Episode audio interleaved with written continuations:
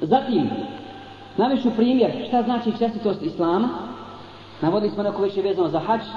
Kada jedan brat u Italiji, priča na jedan brat, bio u Italiji sa svojom ženom pod Ikabom. Živio je tamo i došao je i čekao je da li tramvaj ili autobus i vidio je mladića i djevojku.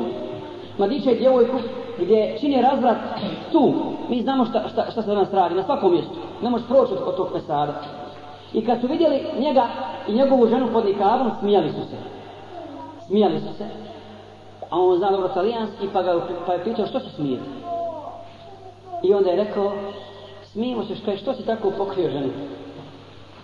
To je zulum, e, to je nepravda. Te niko je ne vidi, kaže, zbog čega? Zašto pokriva ženu? Kaže on njemu,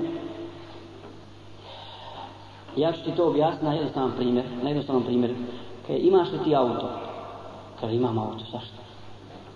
E, daš li ikom da ga voza? Čuvaš ga, voliš li to auto? Kaže, volim. Održavaš ga, održavam. Jel daješ ključe nekom drugom da ga otključa da ga vozi kako hoće?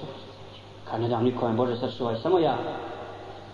Pa bolan, kad auto tako čuvaš, nikog ne daš, kako da dam ja ženu svoju da, da je neko drugi, da je gleda, da neko sa njom voda, da se druži i tako dalje, bez ikakve ljubomore, bez ikakvog e, smisla. Kad je žena, njego, tada je njegova djevojka, kad je to čula, te riječi, zaplakala i opalila mu šamarčinu i pobjegla od njega. Pobjegla od njega. Koliko je ponižava, koliko je vrijeđa, dakle, osjetila je da je ona samo, samo predne za iživljavanje, za iživljavanje strasti ovog muškarca.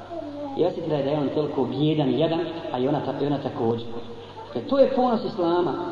I žena je zaista u Islamu samo, samo zaštićena. I to je dokaz koliko Islam poštuje ženu kao ličnost i koliko čuva njenu čast